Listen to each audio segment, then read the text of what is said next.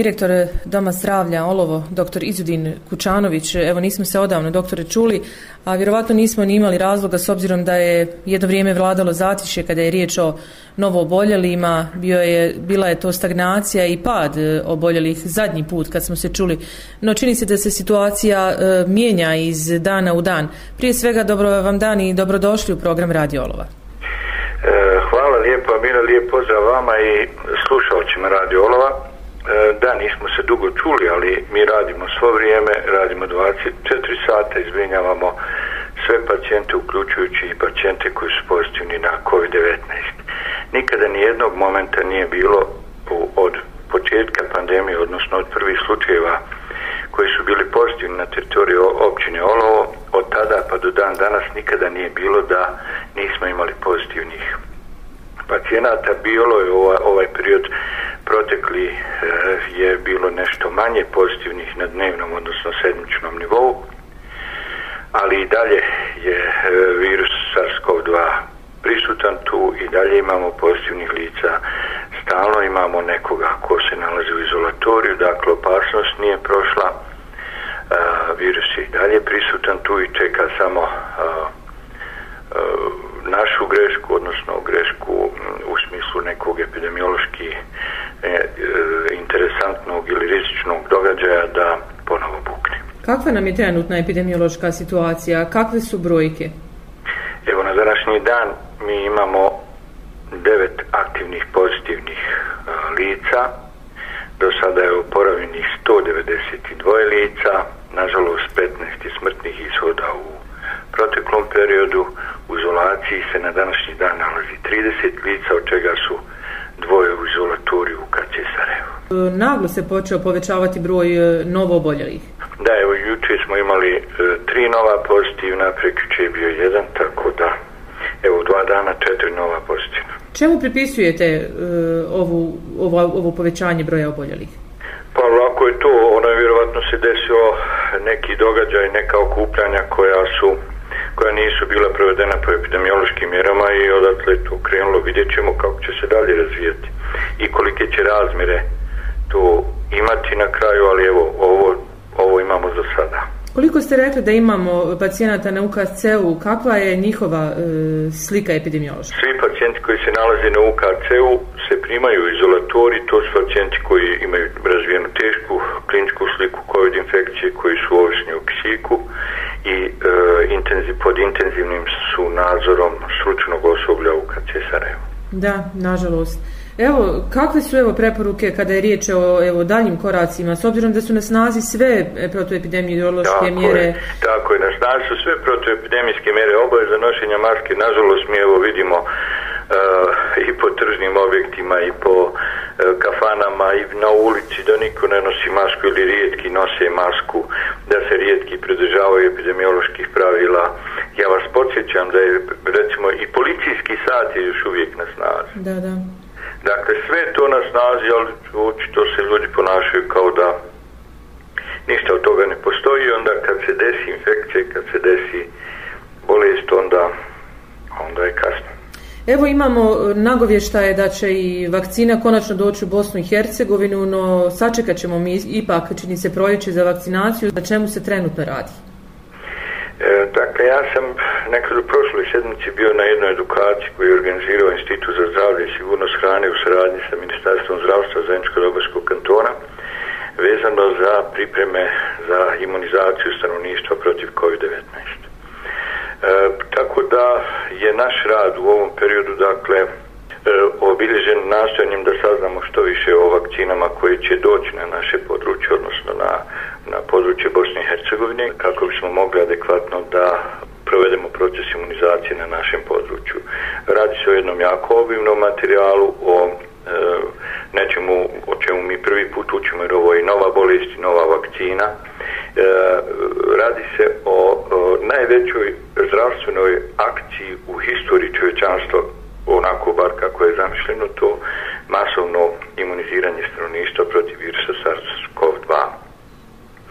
Ja e, se nadam, odnosno mi ćemo učiniti sve da u potpunosti odgovorimo svim zahtjevima koji će se staviti pred nas u narednom periodu. E, moram napomenuti da se e, radi o vakcini koja će doći ovdje, znači po onome, po informacijama koje mi imamo, to je vakcina proizvođača Pfizer koja je vrlo e, zahtjevna u smislu e, transporta tih logističkih potreba tako da je to jedan ogroman posao koji nas čeka, ali evo mi se nadamo da će se to desiti što prije, da će vakcine doći što prije i da ćemo ovaj, moći vakcinisati, odnosno imunizirati što veći broj našeg stanovništva. U tom smislu apelujem na stanovništvo da uh, još ovaj period do dolaska vakcine izdrži, da uh, se pridržava svih epidemioloških mjera. Ja znam, razumijem da je svima to dosadno, da svi žele svoj život nazad, da žele normalno ponašanje, sve to razumijem. I ja sam isti takav, ja sve to želim. Ali, nema povratka na normalno stanje bez postizanja znači jednog uh, značajnog broja imuniziranih osoba u društvenoj zajednici kako bi virusu uskratili mogućnost širenja prenošenja dakle u, u zajednici odnosno u, u radnim kolektivima u, u, u društvu generalno. Dakle radi se o vakcini koja je vrlo uh, logistički i, i aktivnosti koja je vrlo logistički uh, zahtjevna vezano za transporte, za skladištenje, za davanje, za e, postupke prilikom davanja imunizacije, ali mi smo formirali ovdje jedan stručni tim koji operativni tim za vakcinaciju, zatim više, e, tim koji će e, davati vakcine, odnosno imunizirati. Imamo više e, varijanti, više planova, plan A, plan B, plan C, vezano za masovnost davanja, odnosno potreba za više timova, više punktova i tako dalje i time tu smo limitirani, odnosno determinirani sa brojem vakcina koji dolazi. Dakle, mi ćemo odmah po prispijeću vakcina, odnosno po, po prispijeću obavijesti da, da možemo određenog dana preuzeti određeni broj vakcina, e, aktivirati ili plan A, ili plan B, ili plan C, vezano za broj timova koji trebaju vezano za lokacije na kojima će se vršiti imunizacija i vrlo brzo, dakle, odnosno u propisanim rokoma izvršiti e, imunizaciju stanovništva. Ne znam, u ovom periodu vjerovatno se vrši dakle i pripreme i anketiranje stanovništva, vjerovatno će to ići po prioritetima zdravstveni radnici, pa onda svi oni koji su jeli uposleni e, i tako dalje. Već vjerovatno imate taj plan razrađen. Da, da, imamo mi plan razrađen, ima i kantonalni plan imunizacije koji je razrađen. Prvi prioritet su zdravstveni radnici koji rade sa COVID pacijentima, zatim e, stanovništvo koje je ima komorbiditet, odnosno stanovništvo koje je starije od 65 godina, zatim radnici u javnim službama, a, tako da ćemo mi u narednom periodu imamo rok do neke druge polovine februara mjeseca da dostavimo otprilike okvirne brojke a, iz ovih a, javnih službi prema a, ministarstvu kako bi se otprilike mogla planirati ovaj, planirati organizacija i, i e, stanovništva, odnosno naših građana koji su zaposleni u javnim službama i dolaze u kontakt sa većim brojem ljudi. Tako da evo mi radimo u skladu sa tim planovima i spremni smo da odgovorimo svim zahtjevima koji su, ponavljam još jednom, jako, jako veliki. Ali ovaj, evo radujemo se i jedva čekamo da dođu te i prve kućine vakcina i voljeli bi da, da dobijemo za svo stanovništvo, tako da ovaj, da, e, da to uradimo što. Imunizacija je dobrovoljna, to i to da se zna, ali evo ja onaj ne vidim e, nikakav razlog kod bilo koga da ne primi ovu vakcinu, jer ona praktično nema kontraindikacija osim e, e, alergije na sastojke vakcina, to je e, ova jedna hemijska substanca e, koja je korištena priliku, ali to mi znamo da kod naših pacijenata koje u, uglavnom uzmaći se znači anamneza za svakog pacijenta prilikom prilikom procesa vakcinacije, tako da ćemo moći to isfiltrirati. Ili se radi o vakcini o kojoj je potrebna revakcinacija nakon 21 dan? Naravno, naravno. Mm -hmm. e, 20, najmanje 21 dan je potreban da prođe od prve doze do druge doze, ali može i duže vremena. U, u pustima proizvođača se kaže od 21. do 28. dana nakon prve vakcine daje se druga, druga doza cjepiva, ali e, na ovim edukacijama kojima smo pristovali e, je pomenuto da to može duže zavisi. Dakle, sve od dinamike isporuka ovaj vakcina od strane proizvođača. Bićemo u kontaktu svakako doktore, pred vama je ogroman posao, svakako i tu smo i mi da vam jel, pomognemo u, u obavještavanju stanovništva o jel, punktovima koji budu ili načinima koji budu, na koji se bude vršila imunizacija, ali po, jel, po dolasku vakcine. Vjerujemo da će biti za sve e, dakle, stanovnike e, naše općine, ne znamo kojim se brojkama tačno radi, vi ćete to vjerovatno e, znati, kao što ste kazali drugi jel, dio februara će biti dostavljen ta, ta brojka okvirna. Pa da, evo mi već vršimo analize po našim uh,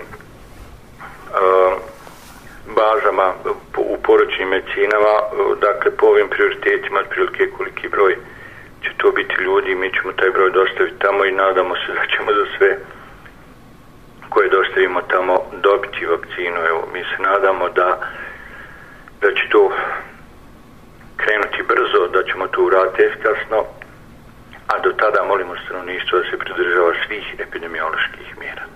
Hvala vam direktore na svim ovim informacijama i čujemo se svakako i narednih dana po potrebi, evo kao što smo to učinili i jutro s obzirom da se pogoršava epidemiološka situacija.